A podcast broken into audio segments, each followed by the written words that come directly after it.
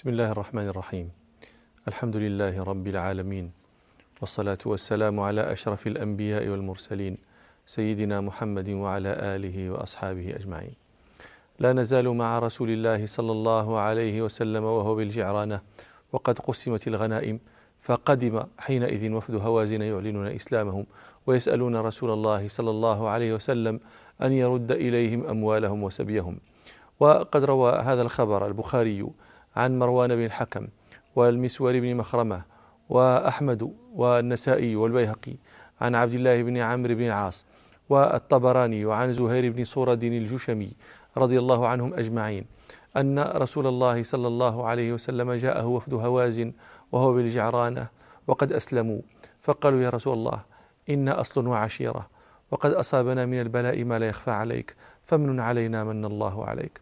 وسألوه أن يرد إليهم أموالهم وسبيهم.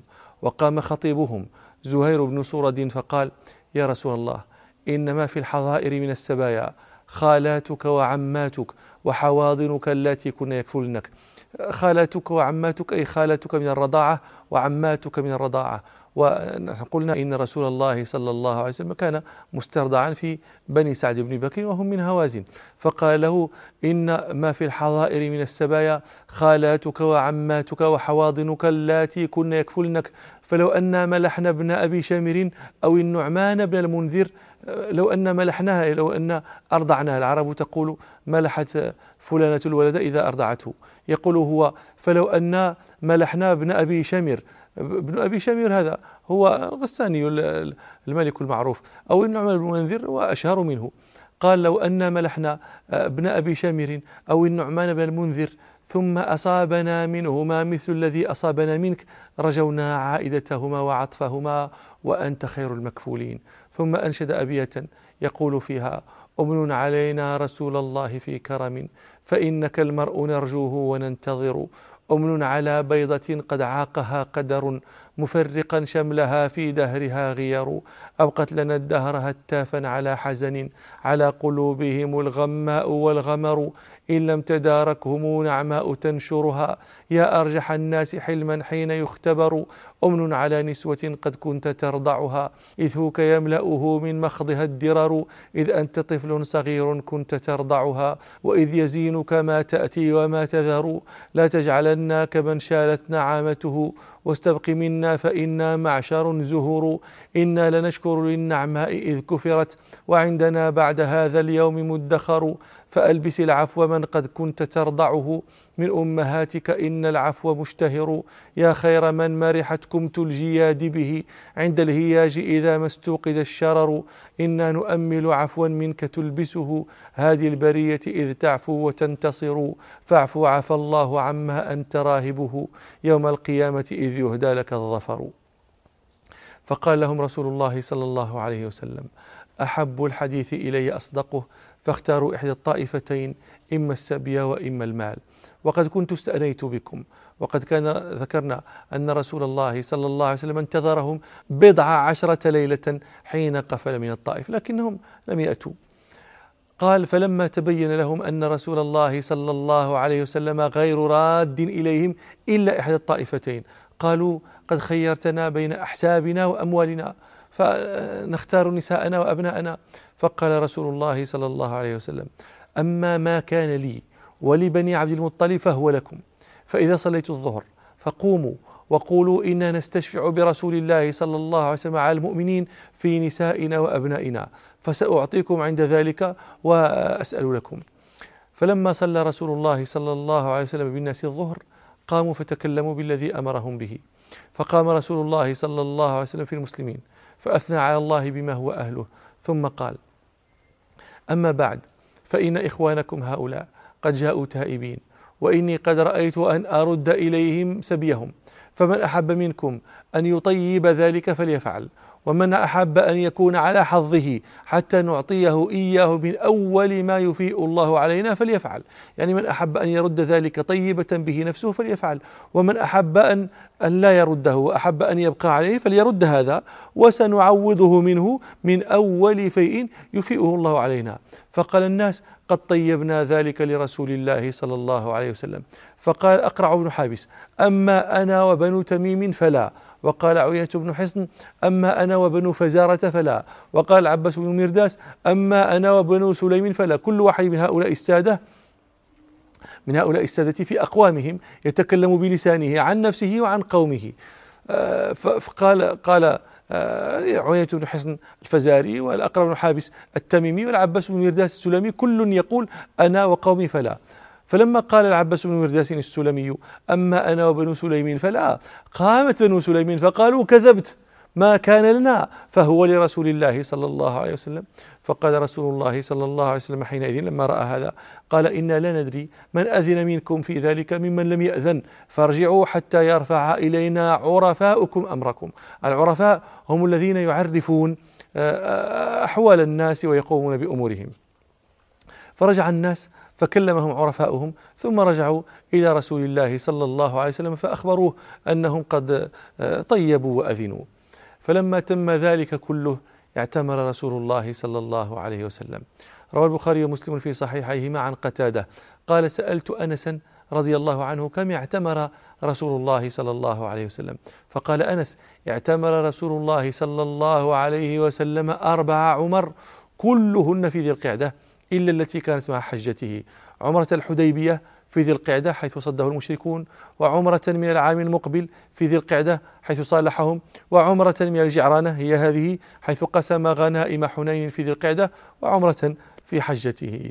ثم انصرف رسول الله صلى الله عليه وسلم راجعا إلى المدينة واستخلف صلى الله عليه وسلم على مكة عتاب بن أسيد رضي الله عنه وعمره إحدى وعشرون سنة وهو أول أمير على مكة منذ جاء الإسلام. في الطريق إلى المدينة لقي رسول الله صلى الله عليه وسلم أبا محذورة الجماحي رضي الله عنه وكان ابن ست عشرة سنة يومئذ فأسلم وعلمه رسول الله صلى الله عليه وسلم الأذان وأقره على الأذان بمكة فلم يزل يؤذن بها نحوا من خمسين سنة. روى أحمد وأبو داود والنسائي وابن ماجه. عن أبي محذورة رضي الله عنه قال لما خرج رسول الله صلى الله عليه وسلم من حنين خرجت عاشر عشرة من أهل مكة نطلبهم. قال فلقينا رسول الله صلى الله عليه وسلم في بعض الطريق. فأذن مؤذن رسول الله صلى الله عليه وسلم بالصلاة. قال فظللنا نحكيه ونهزأ به. نحكيه أي نقلده ونهزأ به. فسمع رسول الله صلى الله عليه وسلم الصوت. فقال قد سمعت في هؤلاء تأذين إنسان حسن الصوت. قال فأرسل إلينا قوما فأقعدونا بين يديه. فقال رسول الله صلى الله عليه وسلم أيكم الذي سمعت صوته قد ارتفع؟ فأشار القوم كلهم إليه وصدقوا لأنه كان هو الذي آه، صوته حسن. قال فأرسلهم صلى الله عليه وسلم كلهم وحبسني. وقال قم فأذن بالصلاة. قال فقمت ولا شيء أكره إلي من رسول الله صلى الله عليه وسلم ولا مما يأمرني به. قال فقمت بين يدي رسول الله صلى الله عليه وسلم فألقى علي الأذان. ألقاه علي هو بنفسه. فقال قل الله أكبر الله أكبر. أشهد أن لا إله إلا الله أشهد أن لا إله إلا الله أشهد أن محمد رسول الله أشهد أن محمد رسول الله. ثم قال له صلى الله عليه وسلم ارجع فامدود صوتك وقل أشهد أن لا إله إلا الله أشهد أن لا إله إلا الله أشهد أن محمد رسول الله أشهد أن محمد رسول الله. وهذا هو المسمى عند الفقهاء الترجيع فيذكر الشهادتين بصوت خافت قليلا ثم يعود فيجهر بهما فهذا الترجيع عليه طائفة من الفقهاء منهم المالكية أنفسهم. ثم أتم النبي صلى الله عليه وسلم التأذين عليه حي على الصلاة حي على الصلاة حي على الفلاح حي على الفلاح الله أكبر الله أكبر لا إله إلا الله. قال أبو محذورة ثم دعاني رسول الله صلى الله عليه وسلم حين قضيت التأذين فأعطاني صرة فيها شيء من فضة. ثم وضع يده على ناصية أبي محذورة صلى الله عليه وسلم ثم أمارها على وجهه مرتين ثم مر بين يديه ثم على كبده حتى بلغت آه، يد رسول الله صلى الله عليه وسلم سرة أبي محذورة. ثم قال صلى الله عليه وسلم بارك الله فيك. فقلت يا رسول الله مرني بالتأذين بمكة. هو كان يقول ليس شيء أكره إلي من رسول الله صلى الله عليه وسلم ولا مما يأمرني به. فصار الآن يقول له يا رسول الله مرني بأن أؤذن في مكة. فقال له صلى الله عليه وسلم قد أمرتك به. قال أبو محذورة وذهب كل شيء. كان لرسول الله صلى الله عليه وسلم من كراهية وعاد ذلك محبة. لرسول الله صلى الله عليه وسلم. فقدم على عتاب بن أسيد عم رسول الله صلى الله عليه وسلم بمكة قال فأذنت معه بالصلاة عن أمر رسول الله صلى الله عليه وسلم. وقد قلت لكم إنه مكث مؤذنا خمسين عاما. ثم رجع رسول الله صلى الله عليه وسلم إلى المدينة. فقدمها لست ليال بقين من ذي القعدة سنة ثمان من الهجرة. ثم إن بجير بن زهير بن أبي سلمى الشاعر بن الشاعر المشهور وكان قد أسلم. كتب إلى أخيه كعب بن زهير الشاعر المشهور أيضا كتب إليه يخبره أن رسول الله صلى الله عليه وسلم قتل رجالا بمكة ممن كان يهجوه ويؤذيه وأن من بقي من شعراء قريش ابن الزبعراء وهبيرة بن أبي وهب آه، قد هربوا في كل وجه. قال له فإن كانت لك في نفسك حاجة فطر إلى رسول الله صلى الله عليه وسلم فإنه لا يقتل أحدا جاءه تائبا. وإن أنت لم تفعل فانجو إلى نجائك من الأرض. وقد صح هذا الخبر من رواية الحاكم في مستدركه آه، والبيهقي في السنن الكبرى وعمر بن شبه في آه، تاريخه وغيرهم. عن عبد الرحمن بن كعب بن زهير بن أبي سلمى المزني قال خرج كعب وبجير ابنا زهير حتى أتيا أبرق العزاف. أبرق العزاف هذا ماء لبني أسد بن خزيمة بن مدركة. ماء مشهور له ذكر في أخبارهم وهو في طريق القاصد إلى المدينة إذا جاءها من العراق.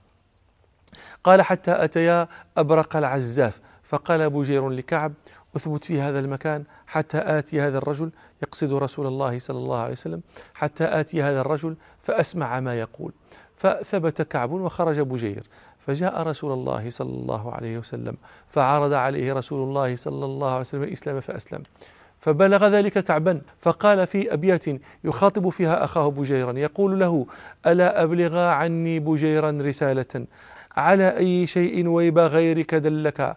على خلق لم تلف أما ولا أبا عليه ولم تدرك عليه أخا لك؟ سقاك أبو بكر بكأس روية وأنهلك المأمون منها وعلك.